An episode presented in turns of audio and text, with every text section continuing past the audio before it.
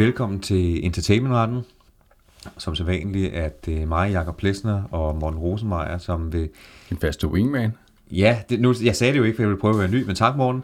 Ja, øh, som vil guide jer gennem entertainmentretten og øh, hvad der er sket på vores spændende retsområde øh, siden sidst. Og øh, vi har Ja. blandt andet haft et kommunalvalg og regionsvalg. Ja. Så skal vi ikke... Øh, altså det kunne vi jo godt det ned i, har vi tænkt, snart lidt politik. Simpelthen. Øhm, så det er, en, det er faktisk vores hovedemne i dag. Vi vil snakke om øh, øh, politik og rettigheder. Hvad må man gøre? Må man bruge Mm. øh, beskyttet materiale, når man øh, I optager... valgkampagner. For eksempel. Præcis. Øh, eller videoer eller, Mm. eller lignende. Må man gøre det? Og øh, hvad er konsekvenserne, hvis man, hvis man gør det? Om nogen? Mm. Men der er jo også sket andre ting. En af de ting, jeg har lagt mærke til, det var, øh, at øh, den 28. oktober, så skiftede Facebook navn til Meta. Øh, og det gjorde de, fordi det vil satse på øh, øh mixed reality, øh, virtual reality, augmented reality. Og øh, det øh, kom lige efter, det var godt timet, fordi dem af jer, som lytter med, øh, vil huske, at vi havde en episode 8 den 3. oktober, omkring netop øh, det her spørgsmål om den nye digitale virkelighed. Og der mm, gættede de blandt andet på, at Facebook nok snart vil lancere noget, øh, og det gjorde de så. Øh, og øh, det, øh, det ser rigtig spændende ud. Så netop det her område med øh, hele det digitale univers, der kommer til at omgive os, og de rettighedsproblemer, der kommer der, det er blevet mere aktuelt end, end nogensinde før. Ja, ved du hvad? Meta, de vil satse på virtual reality og bygge en ny virtuel verden. Og ved du hvad, jeg kan love dig for, at jeg glæder mig meget til at bo i den. Jamen altså, det bliver så godt. Du kan blive lige, hvad du vil, morgen. Du er kan blive øh, en supersportsmand, øh, hvis du vil det. Der kan du, hver gang du skal ud og løbe, så kan du få en avatar løbende ved siden af dig, som bare roser Ja, ja. dig til skyerne. Ja, ja, og, øhm, og der, der er jo ingen grænser for, hvad, hvad jeg kan, men jeg kan skulle blive øh, partner i Gorisen øh, inde i det spil der, hvis det er det, jeg er til. Jeg tror også, der er sådan en realistisk øh, grænse for, hvad man, man, man, man kan nå, der er der er øh, grænser. men, Nå. men øh, supersportsmand, det skal du nok blive. Og det går. Og så kan jeg sige, at Dansk Selskab for Ophavsret jo holder medlemsmøde den 7. december 2021.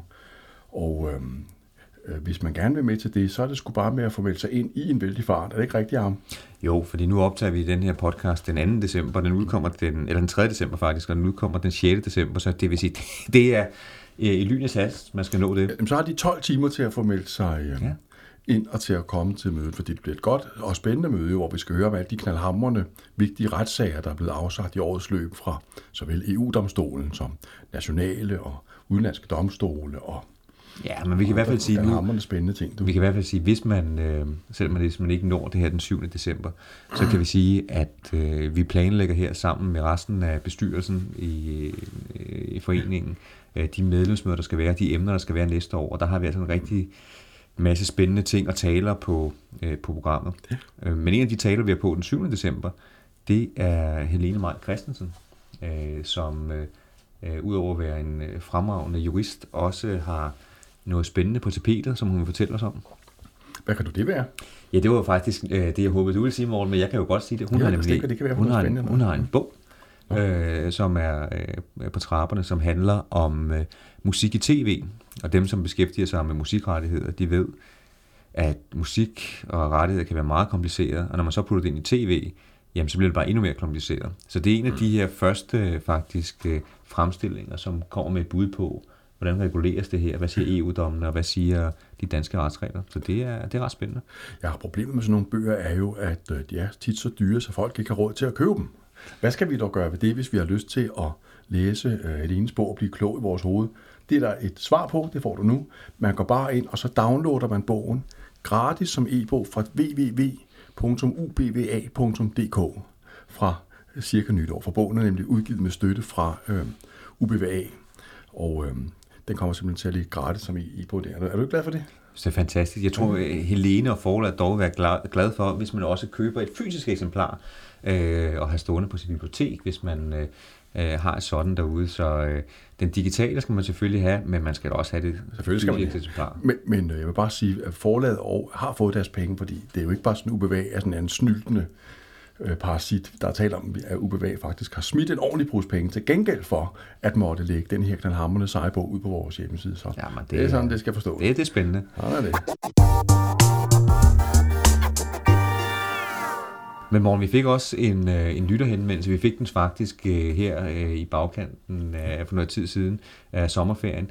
Øhm, og øhm, vi har ikke taget den op før, for den er ikke rigtig passet ind øh, i emnerne, men øh, vi kunne lige nævne den i dag, nu når vi skal øh, snakke øh, her om ophavsret. Og det drejer sig om et spørgsmål om drøjt moral. Øh, altså det her med ideelle rettigheder, hvor man øh, har nogle krænkelser, som ikke bare er en ophavsretlig krænkelse, men som går lidt videre, fordi det er sådan en øh, ekstra, øh, ekstra krænkende øh, sag. Ja, ja, altså det er en, en krænkelse ikke alene af de økonomiske rettigheder efter paragraf 2, men også af de ideelle rettigheder efter paragraf 3. Mm. Præcis. Øh, og øh, sagen her, den havde, nu har vi jo meget italiensk inspireret. Vi har haft øh, øh, to Rosati, meget, Rosati. Ja, øh, blandt andet. Øh, og øh, Serena var inde også og fortælle om augmented reality, så vi har haft to dygtige øh, italienske jurister inde. Og for at det ikke skal være løgn, så har vi sag her om et italiensk galleri, øh, som har sagsøgt en hjemmeside for at bruge et værk fra øh, 1400-tallet øh, uden tilladelse. Øh, det har man faktisk brugt øh, det her øh, værk i øh, en pornografisk øh, hjemmeside. Øh, så man har brugt et kunstværk uden at spørge om lov, og man har brugt det på, øh, øh, på en hjemmeside i sådan en meget krænkende sammenhæng. Mm. Og det mente man var fra galleriets side var en krænkelse, og for dem af jer, som kender ophavsret lidt, så ved man, at der gælder 70 år fra man er død til at ophavsretten udløber, og selv hvis man har nogle gode gener, så vil de fleste af os nok være døde, hvis man levede i 1400-tallet. Så hvordan morgen kan det overhovedet komme på, øh, på tale, at man kan øh, snakke om beskyttelse? Var det ikke helt på tynd is, de her italienere? Det er jo sådan, at øh, som udgangspunkt er ophavsretten tidsbegrænset, øh, både for så vidt angår de ideelle rettigheder og de økonomiske rettigheder. Og reglen i øh, dansk ret og andre europæiske lande er nu den, at øh, begge dele, altså både paragraf 2 og 3 rettighederne, varer i 70 år fra ophavsmandens dødsår. Men nogle lande, herunder Danmark, har også regler om, at sådan meget værdifulde, øh, vigtige kunstværker kan bevare deres øh, moralbeskyttelse øh, ud over den almindelige beskyttelsestid. I Danmark har vi i paragraf 75 i ophavsretsloven en regel om, at øh, selvom ophavsretten normalt udløber 70 år efter ophavsmandens dødsår, så øh, var den såkaldte respektret efter paragraf 3 stykke 2, den der siger, at man ikke må krænke værket på, eller øh, man må ikke øh, sådan, ændre værket på en øh, for ophavsmandens egenart med videre krænkende måde, eller bruge værket i krænkende sammenhænge. Den såkaldte respektret øh, bliver ved med at vare, hvis den krænkelse, det handler om, ikke alene krænker ophavsmandens anseelse eller enart, men ligefrem kulturelle interesser. Øhm, den regel stammer fra en tid, hvor man var betydeligt mindre frisindet, end man er nu, hvor man tager meget mere afslappet på den slags ting. Og øhm, gamle professor Koffet Gård øh, mente simpelthen, at den evigtvarende respektret efter paragraf 75 i alt væsentligt var bortfaldet øh, i dag øh, med mindre de værker, det handler om, har karakter sådan unika værker, der kun er et eksemplar af, for eksempel øh, et maleri eller sådan noget. Der findes en knaldhamrende spændende dom om det, min unge ven. Hvad handlede den, og hvad, og hvad handlede den om? Ja, og det kan vi jo så godt komme ind på, øh, Morten, øh, fordi dem har vi jo faktisk, øh, vi har behandlet dem lidt i en tidligere podcast. Der er nemlig to... Nu behandler øh, vi dem igen. Ja, ja, ja, men jeg vil bare lige sige, hvis der nu er nogen lyttere, som rent faktisk hører flere af vores podcasts, så skal de jo ikke tro, at vi øh, helt øh, har glemt det. Nu er det, fordi spørgsmålet er kommet op. Øh, der er en sag med Jens Jørgen Thorsen øh, og Bibelen, øh, som jo er et af de ældste værker, øh, U90 8 156 ø. Og det for dem, jeg som ikke kender ugeskrift fra retsvæsen, så er det en kode til det, så man kan slå det op. Øh, øh, og vi har en sag fra, jeg tror det var 60'erne i hvert fald med... 65, 137 H. Øh, med venetiansk øh, serenade, øh, hvor man mente, at en jazzificeret udgave af et øh, klassisk musikværk, mm. at det var en krænkelse. Og der tror jeg, vi i dag nok er... Jeg tror også. Kokkedgaard havde ret i sin antagelse om, at... Øh, Kokkedgaard havde altid ret i sine antagelser. Ja, det er faktisk meget smukt formuleret. Men ja. det, altså, lad os lukke den der med ja. bare for at sige, i dag vil man ikke være så måske snærpet Nej. i forhold til sine uh, vurderinger. Øhm, så, øh, så for at besvare spørgsmålet, så kan man sige, at italienerne var ikke på gyngende grund. Der var argumenter for, hvorfor at man kunne gøre en krænkelse gældende, men Øh, hvis det havde været efter dansk ret, så skulle der være rigtig, rigtig meget til, og vi har svært ved at se, at... Øh, Og vi, vi må formode, at de simpelthen i Italien har en regel, der minder om den danske ja. paragraf 75, ikke? Om en, og som altså udvider øh, respektretten ud over den normale beskyttelsestid. Ja, og så skal man selvfølgelig passe på med i andre lande, fordi man kan godt forestille sig i, i nogle lande, så er der visse dele af kulturarven, som man øh, vægter meget, meget højt og ikke vil have, øh, øh, bliver krænket. Så på den måde kan en vurdering i Danmark sagtens være anderledes end en vurdering i Italien, hvor man måske vægter de her klassiske kunstværker fra 1400-tallet meget, meget højt. Ja, ja. Øh, I øvrigt, det her, at vi to sidder og er i, øh, og på lidt- gyngende grund med hensyn til, hvad ophavsretten går ud på i Italien, viser jo også, at når det handler om lige præcis det med de ideelle rettigheder, så er der ikke samme grad, eller så er der ingen EU-harmonisering. Fordi havde man nu spurgt os om noget med originalitetskravet, eller retten til tilgængeliggørelse for almenheden eller sådan noget, så havde vi også kunne udtale os fuldstændig skråsikkert om den italienske, og den hollandske og den spanske retstilstand og sådan noget, fordi det er jo simpelthen ordnet på EU-plan. Sådan er det ikke, når det handler om de ideelle rettigheder. Det, men netop det her med EU, det gør jo så, at vi kan tage en glidende overgang til, øh, hvad der har været retspraksis siden sidst. Simpelthen. Og der er jo ikke meningen, at vi skal gennemgå alle domme. Der er nogen, der er mere spændende end, andre. Så der har vi ligesom den redaktionelle frihed til at tage dem ud, som vi synes er mest spændende. Og øh, den første, øh, det er en sag, vi har nævnt før. Øh, og det gjorde vi, øh, fordi der var en generaladvokatudtalelse øh, fra Henrik Ø. Øh, omkring Ferrari, hvor man havde det her spørgsmål oppe omkring, øh, hvis man havde øh, øh, et delvis øh, design, altså et enkelt del af et design, om det så kunne, øh, kunne beskyttes, som man har set i billedet af det hele design, sådan øh, lidt forenklet sagt. Øhm, og øh, det drejer sig om Ferrari, øh, hvor man øh, kunne opgradere en, en bil med nye bildele, og det øh, mente design krænke deres eller det mente Ferrari undskyld krænke deres øh, Der var simpelthen et firma, der mente, at en Ferrari var okay, men de kunne faktisk godt lave nogle Ferrari-dele, der var bedre, end den Ferrari selv kunne lave. Ej, jeg vil nok, de vil nok gerne tage nogle af de dele, som Ferrari havde lavet, og så sige, så kunne man lige opgradere sin bil med øh, en flot køler hjem fra, fra Ferrari, for eksempel. Som ikke var en, Ferrari, en rigtig Ferrari-køler hjem, fordi det var en anden... Nå, fortsæt. Ja, fortsæt. ja, ja, ja, men det, det, var, sige, det var jo Ferrari, som havde øh, registreret designet, så på den måde var det Ja, ja, ja. Ferrari. Så var der bare nogen, der sagde, jeg tager jo ikke at kopiere hele Ferrari, jeg kopierer bare køler hjem. Øh, og øh, det sagde man fra generaladvokatens side, øh, det måtte man ikke, og EU-domstolen gik her den 28. oktober øh, ind og sagde, at generaladvokaten havde ret i sin anbefaling, og at man mente, at de her delvise designs, altså øh, det man kunne se på, på billedet øh, i Ferraris øh, designregistreringer, der var delene af det også beskyttet. Der var ikke kun det hele, der var beskyttet.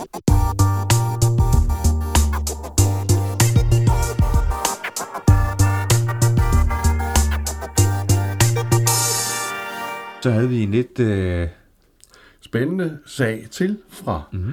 øh, Sørhandelsretten, afsagt den 15. november 2021. Mm-hmm. Jeg kender du den film, der hedder The Usual Suspects? Det gør jeg. Hvad Det, er jo, altså, det, det, det skal man jo passe på med, fordi nu kan jeg afsløre øh, for meget i forhold til Kevin Spacey og lignende.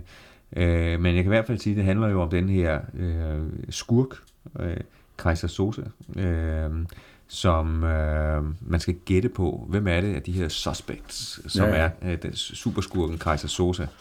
Og, Og, så, hvorfor spørger du mig om det, Morgen? jo, øh, Det var da mærkeligt at spørge lidt om i en podcast. Det, det er en enormt god film, også fordi øh, den ender med, at man er i tvivl om, der overhovedet findes nogen Kaiser Sose, om ikke bare det er løgn og latin det hele. Og øh, jeg synes, filmen har en interessant moral, fordi den øh, fortæller os den meget rigtige ting, at vi mennesker, jeg har, ved kun det, øh, folk fortæller os. Og der er faktisk ofte grundlag for at fortælle sine omgivelser de sygeste løgnhistorier, og få dem til at tro på de sindssygste ting, hvis bare du spiller din kort rigtigt. Nå, Du er professor, ikke, Morgen? jeg er professor i Godt, godt. ophavsret og øh, politisk kommunikation med videre, og det øh, er der en god grund til. Og ved du hvad, i den sag her, der var spørgsmålet om en restaurationsvirksomhed med betegnelsen Kaiser Social havde krænket pølsevognen Kaiser Sausage øh, efter varemærkeretten og markedsføringsloven. Øh, Kaiser Sausage APS havde erhvervet en varemærkeret til mærket i brugtagning, og retten lagde vægt på, at selvom pølsevognen var lokalt placeret i København med videre, havde brugen af mærket fundet sted på en sådan måde, at der var stiftet en ret til mærket. Retten fandt, at der visuelt var ligheder mellem mærkernes første led, Kaiser og Kaiser, som begge var inspireret af Kaiser Sose fra filmen. Mærkernes andet led, Sausage og Social, fandtes derimod at være forskellige i betydelig grad, sagde retten. Samlet set fandt retten derfor, at der ikke forelå en risiko for forveksling, og retten konkluderede på den baggrund, at kejser Sorsits rettigheder ikke var krænket. Den dom fatter jeg ikke, jeg synes, det er forkert. Men øh, det er, også, det er også bare fint. Ved, ved du hvad? Et dom er jo, en, som jeg altid har sagt, øh, en dom er kun et indlæg i debatten. Men du kan nok se, at uh, kejser Sosic og kejser Social, det lyder jo ens, ikke? Og, og der i begge tilfælde taler om, at man prøver at skabe en association i retning af, af filmen. Men, Men tror, man tror ikke også, det er spillet ind, at øh, der er jo et spørgsmål, som ikke bliver afgjort i, i sagen, det er slet ikke op at vende. Det er jo, de bruger jo et navn, som hvad kan man sige, de begge to har taget et andet sted fra. Mm. Øhm, jo, og, jo, og det er så jo et selvstændigt varemærkeret problem, ikke? Ja, nu tror jeg ikke, at det, altså så har vi i hvert fald en udfordring. Nu tror jeg ikke, at det har været registreret som et varemærke. Øh, Nej, men det er problemet. Men det, det, det gør ikke noget, fordi der, og, altså heller ikke per indarbejdelse kan man få øh, ophavsret til øh, noget, stud og varemærkeret til noget, som øh, indebærer et indgreb i andres ophavsrettighed og sådan noget. Så hvis du kan få overbevist retten om, at selve ja, Kaiser Sosa er beskyttet, så er der et, øh, et problem. Jeg kender du filminstruktøren Quentin Tarantino? Ja. Yeah. Nævn fire film, som Tarantino har lavet. Uh, Reservoir Dogs. Ja, ja. Pulp Fiction. Yes. Og nu, nu tager du mig på stående for, jeg kan ikke lige... Den der, hvor hende der sværende. Kill Bill. Kill Bill. Ej, det var. Og øh, en anden en, som vist ikke har fået helt samme ro som de andre, men som jeg synes er rigtig god, det er The Hateful Eight. Den er sej. Og så er der også den der øh, Django Unchained. Nå, men øh, Quentin Tarantino, der, han skal jo være ung med de unge, og øh, frisk og frejdig og så videre. Og derfor så øh, har han i november 21 annoncerede du på en NFT-konference, at han vil bortaktionere uddrag af sit originalmanuskript til Pulp Fiction, som efter, hvad han siger, indeholdt hemmelighed om filmen og hans proces som skaber. Og ved du hvad, så vil han sælge sin uddrag indeholdt i NFT'er, og det vil sige digitale kopier, der fungerer ved hjælp af blockchain-teknologi. Når man erhverver en NFT, så er det kun erhververen, der får adgang til indholdet. Det var da smart. Så og kan man jo ved, hvad, som ældre medborger, der ikke engang rigtig er dus med internettet endnu, så kan jeg have meget svært ved at forstå alt sådan noget med NFT'er og så videre. Jeg formoder, der var altså en mening bag. Men altså, du, du siger bare til, hvis vi skal lave en podcast omkring det.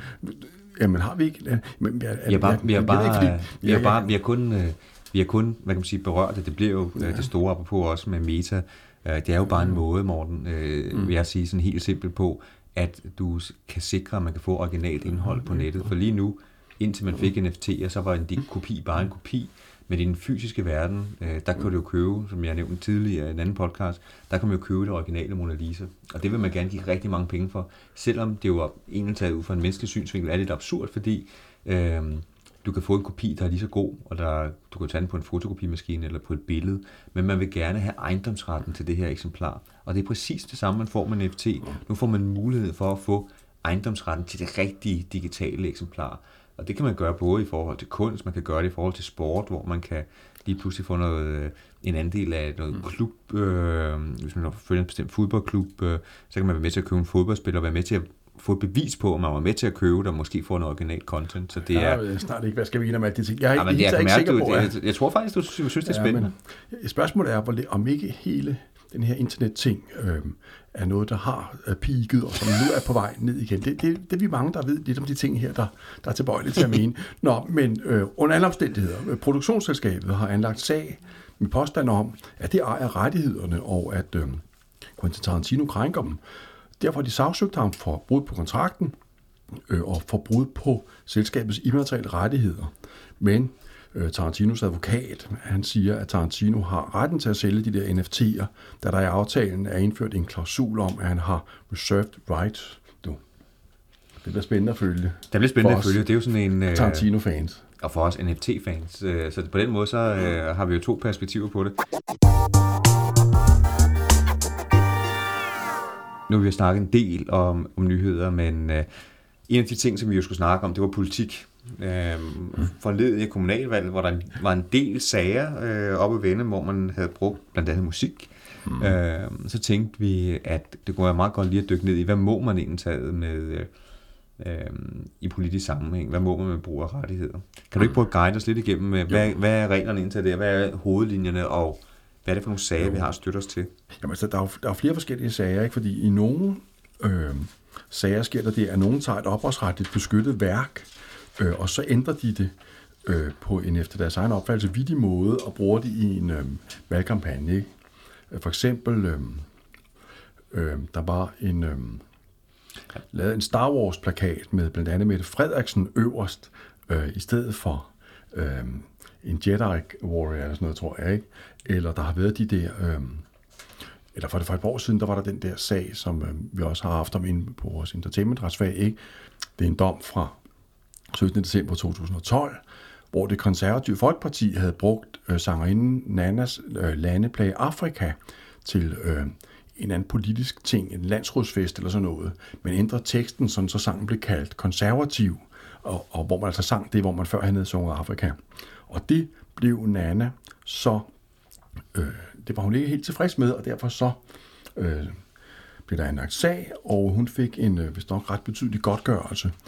Øh, også fordi man inden for ophavsretten siger, at det normalt vil være en en krænkelse af respektretten efter ophavsretslovens paragraf 3 stykke 2, at bruge folk uden deres tilladelse i politiske øh, kampagner og, øh, øh og lignende. Altså bare lige for at altså, sige, når man bruger det i, øh, øh bruger jedi eller man bruger noget musik, så laver man en klar ophavsretskrænkelse øh, som udgangspunkt.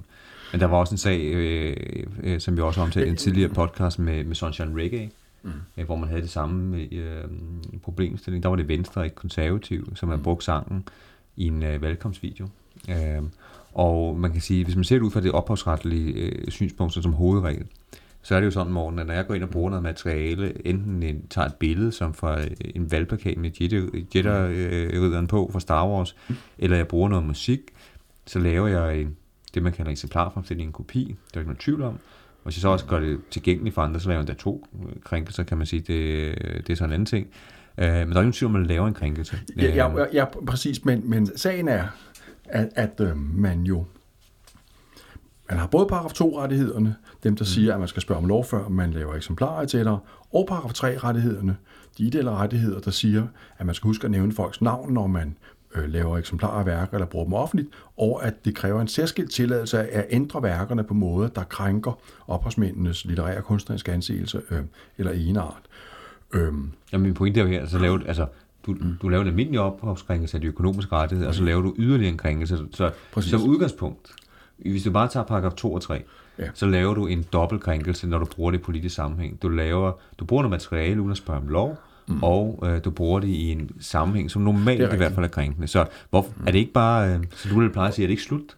Øh, jo, podcasten her? Øh, ikke helt, fordi øh, man har øh, en regel om, at øh, det ikke kræver tilladelse ifølge ophavsretsloven at øh, lade værker øh, indgå i parodier og karikaturer og den slags ting. Øhm, Derfor må man for eksempel øhm, altså gerne bruge et brudstykke af et beskyttet værk i en parodi på, øhm, øh, på, på et eller andet.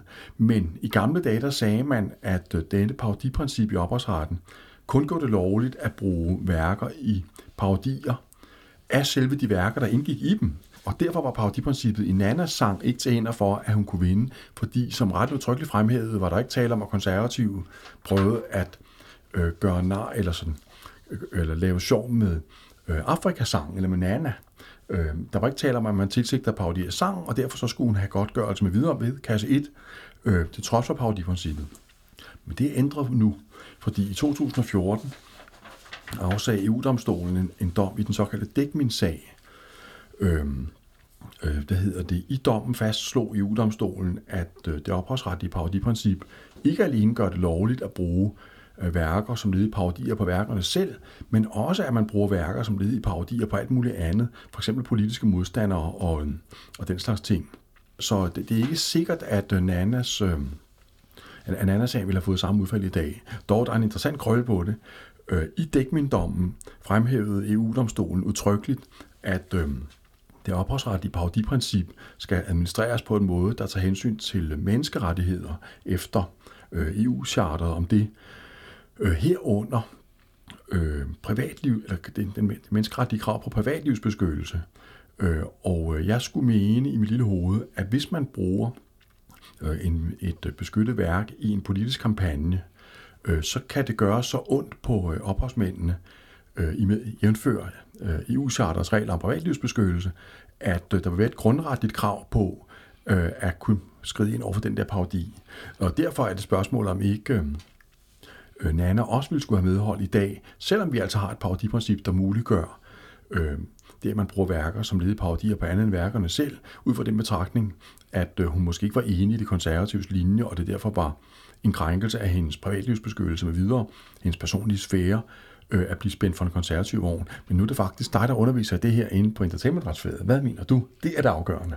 Ja, det ville være dejligt, hvis det var sådan. Jeg vil nu ikke, være, jeg, jeg vil nu ikke være så meget, jeg vil nu ikke være så meget i tvivl øh, i forhold til, at der er tale om, om krænkelser. Selv hvis man ikke laver en parodi på selve sangen i det her tilfælde, men bruger det i politisk sammenhæng.